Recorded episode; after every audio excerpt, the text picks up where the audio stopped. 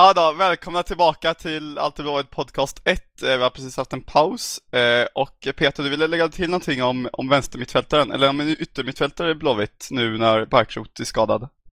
Ja precis, för eh, Barkrot är inte den enda, enda unga spjuvern vi har i truppen utan Sam Larsson går ju tydligen på full träning här nu igen. Och där har ju Blåvitt ett eh, riktigt eh, stort eh, sparkapital. Han är ju egentligen central men han eh, sa ju i intervjun jag gjorde med honom att han eh, inte har några problem med att gå in på kanter så här i början. Så att eh, där kan det bli spännande i höst också förhoppningsvis. Såklart, han gjorde ett bra inhopp eh, i en träningsmatch. Eh, han till med mål, eller hur? Mot typ Ålborg. Eh, men hur mycket har han spelat efter det? Väldigt lite. Han ljumskopererades för båda ljumskarna och sen har han haft en lång rehab på det. Så jag vet jo, inte men vilken månad? Oh, det minns jag inte när det var tyvärr. Visst jag tror det var mars någonting. Ja, det var precis nästan efter träningsmatchen.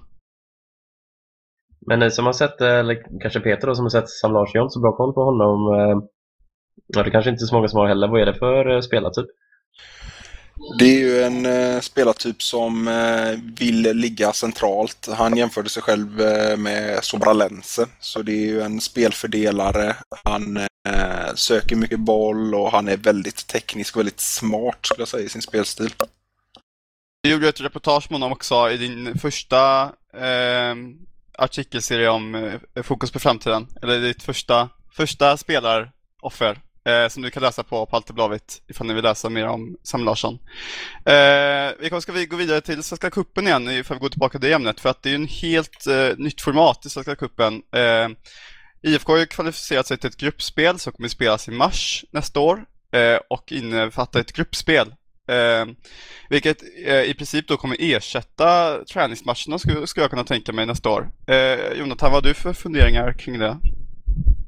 Eh, alltså Svenska Kuppen har ju, ja, så länge jag kan minnas, i stort sett varit en död turnering. Alltså, så det, att, man, att man gör någonting är väl, ehm, är väl bra, att man eh, testar något nytt. Sen är jag väl ganska tveksam till att spela tävlingsmatcher så pass tidigt. Eh, det är bland annat för skaderisken och sen även underlag och hela det här köret. Men ja, Nej, jag vet inte. För i träningsmatcher så går man ju kanske inte för 100%. Kanske du går för 80%. Men eh, här ska du gå för 100% med en tävlingsmatch. Och sen börjar allsvenskan och kanske någon som på sig skador och det här. Så det Ja, nej men det är, visst varför inte. Det kan, kan vara bra. Nu har väl även SVT vad jag fattar köpt in rättigheterna till Svenska cupen så det de skulle sända semifinalerna och finalerna för mig SVT skulle sända. Och det är ju positivt tycker jag. Peter, du kommer inte lika positiv till att de spelar redan i mars? Nej, jag säger samma sak att eh, det är ju roligt att de gör någonting. Men samtidigt så ska man ju ha i bakhuvudet att eh, Allsvenskan startade ju i mars för, var det två år sedan, när det var VM. Och planerna var ju så inuta ja, dåliga. Det var riktigt skrämmande. Så att om man då ska gå på och spela tävlingsmatcher ordentligt redan i mars även nästa år ställer jag mig väldigt tveksam till alltså.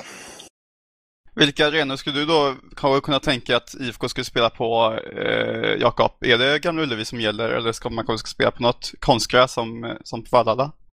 Alltså det, det är ju det i mars, eh, vet du tusan om gräsmattan på Gamla Ullevi tål den belastningen. Jag kan ju tycka att man borde kört det här gruppspelet redan nu under hösten och så bara kört på kvartsfinal, semifinal och final under våren. Det hade varit en bättre, liksom när det finns vettiga gräsmattor. Men eh, det är inte omöjligt att Blåvitt väljer eh, vad heter det, Vallhalla nästa år och skulle det här formatet hålla i sig så ja, gud förbjude vi kanske hamnar ute på hissingen på den ombyggda Rambergsvallen som ska få konstgräs framöver i sådana här typer av matcher. Äh, Men så... eh, spontant så tycker jag att eh, man borde kört det här gruppspelet redan nu under hösten. Okej. Okay. Eh, Svenska cupen har ju IFK satsat på ganska mycket de senaste åren och eh, Jonas Olsson sa ju att det var det enklaste sättet att gå ut i Europa. Peter, tycker du att detta är den enda chansen för IFK att gå ut i Europa nästa säsong genom Svenska cupen? Ja, det skulle jag säga. Men först eh, så är det även, eh, pratade med eh, Magnus Edlund inför matchen mot Långholmen och förutom då att de ser det som den enklaste vägen till Europa så var det även väldigt viktigt för dem eh, i deras planering inför nästa år. Så att nu har de ju tre fasta speldatum och så där de kan liksom planera upp läger och eventuella träningsmatcher och sådär. Så för eh, den rent planeringsmässigt var det väldigt eh, viktigt för dem. Men när det gäller då Europaplatsen så absolut, det går ju minst sagt knackigt i år och det är som jag ser det enda chansen för Blåvitt att gå ut i Europa 2013. Eh, Jonathan? Eh, sen är det lite som supporter också. Jag vet 2010 där när det startade så pass tidigt att det börjar ju krypa i eh, ben och huvud och Blåvitt, Blåvitt blir ju stor alltså i januari där och då när man vet att tävlingsmatcherna kickar igång i, ja nu vet jag inte exakt när en match det ska vara, men i början av mars så det mildrar ju Blåvitt-suget lite också så det så på det sättet från ett supporterperspektiv så kan det kanske vara bra. Men det, ja, sitta på Valla eller Gamla Ullevi med minusgrader och frysa, det, det är ju aldrig kul. Det är lite eh, lättare när det inte är träningsmatch kanske. Ifall vi ska fortsätta på Europaplatsspåret här så är det många också på forumet som tycker att det är självklart att, att Svenska Cupen är den enda chansen för eh, Europaspel nästa sommar. Men jag tycker ändå det är en ganska god chans i Allsvenskan. Eller det, det är 11 matcher kvar. Det är Allsvenskan och vi är nio poäng ifrån en Europaplats. Eh, jag ser inte alls det som en omöjlighet, Peter. Nej, det, det får ju stå för dig då, men eh, visst, det är nio poäng upp. Det innebär tre segrar, men samtidigt så innebär det att det måste ha tre förluster för motståndarna. Och i och med att eh, både AIK, Helsingborg och Häcken ligger där på, vad är det, två poäng mellan dem, så ser jag det som väldigt otroligt att alla de tre lagen ska haverera under hösten samtidigt då som Blåvitt måste bli en eh, vinstmaskin.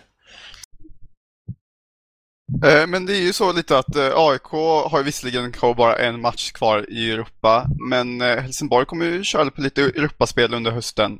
De är ju klara till Europa League-gruppspel och kanske till och med kan kvalificera sig till Champions League-gruppspelet. Det, det, det, det, får man ju se eh, i och med den sista kvalspelsmatchen de, de spelar. Eh, men AIK har lite Europaspel, Helsingborg kommer definitivt ha Europaspel under hösten. Eh, häcken kanske inte kan hålla en hel säsong, Jakob?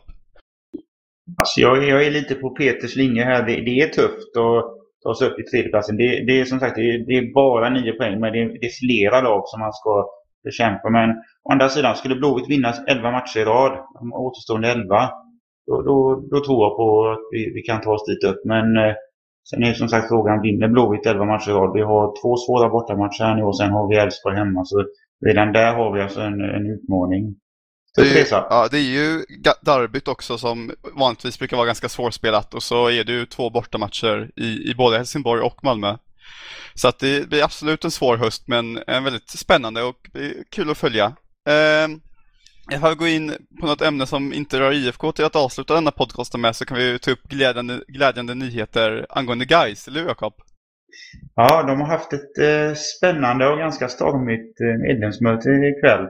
Jag har tjuvläst lite både på GP och på några av deras interna sidor och eh, det verkar vara som många av deras supportrar är beredda att skära upp handlederna ikväll. För nu ser det inte riktigt eh, så ljust ut längre för. Man kan, kan du utveckla lite de mer har, om eh, angående krisen? De, de har väl nog ganska stora bekymmer att uh, lösa den här hösten. Dels har de ett sportligt bekymmer generellt, att de, truppen håller inte uh, för allsvenskan. Och sen verkar det inte finnas några pengar alls. Nu, det senaste är att de ska starta någon ny supporterfond. Det blir väl en stor lyxig hink som ska bäras runt på läktarna. Där de hoppas få in 3 miljoner kronor, hur de nu ska lyckas med det. Men det är, det är fascinerande nyheter.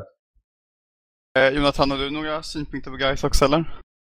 Ja, alltså jag, jag tycker nästan det är komiskt och ironiskt att Mats Persson återigen håller på och ja, sänka en klubb i fördärvet lite så som han gjorde Most där under skatteskandalen. Och är, han trollar ju lite med knäna och med pengar som inte riktigt finns. Och när de plockar in Wanderson räknar man att sälja honom för ja, 20 miljoner. Eh, han ensam har en månadslön på ja, jag vet inte, över 200 000 någonstans läste jag liksom. Och det, det, ja, det verkar som att Mats Persson håller på att verkligen sätta guys i skiten här. Sen vet jag inte så mycket som är hans fel, men det, ja, det, det ser ju verkligen inte ljust ut för Gais, varken ekonomiskt eller sportsligt. Och åker de ner i Superettan så är ju frågan om de kommer ens klara elitlicensen. Det... Jag såg ju några uppgifter på att eh, Helsingborg skulle, ville, ville köpa Wanderson eh, i vintras för 25 miljoner och eh, frågan är hur mycket han är värd idag ifall Gais skulle åka ner till, till vintern. Det kan inte ens, kan ligga på 5 miljoner för att han har haft en bedrövlig säsong Wanderson. Eh, Jakob, skulle du vilja spekulera lite i, i hur mycket Gais har tappat på Wanderson denna säsongen? Så det, det, om man förstår av det här medlemsmötet så hade det uttalats på det att man hade man räknar med att eh, sälja honom för 20 miljoner och det inser alla att Wanderson är inte värd 20 miljoner idag. Sen är det så med den höga lönen han har så är det nästan att man i vissa lägen skulle ja, nästan kan jag tänka sig ge bort honom för mindre pengar bara för att liksom slippa lönen också. Jag tror att eh, alltså rent marknadsvärde kanske ligger på någonstans 5-10 miljoner om man hittar en köpare. Problemet är väl att eh, Wanderson har ju haft en utlandssejour som inte funkar särskilt väl. Alltså köparna är kräsna. De, de förstår att Wanderson är svåranpassad. Han har inte lätt att komma in i nya lag och sånt där. Så det, man, man köper inte grisen i säcken. Eh, även om man har ett värde så tror jag inte någon är liksom beredd att slänga upp de pengarna. Nej, det, jag tror inte heller att Wanderson skulle vilja spela i Superettan så att guys måste ju sälja honom i vintern till kanske ett lågt pris ifall det så behövs. Eh, men det var ett bra avsnitt tycker jag. Vi, vi har inte så här jättestor erfarenhet av, av podcastar, någon av oss, men eh, vi blir väl bättre med tiden ifall det var lite knackligt ibland. Men eh, kul att ni lyssnade och hoppas ni finns med oss nästa vecka igen. Tack, tack för mig och tack redaktionen för att ni var med mig idag. Ha det gött! Tack detsamma.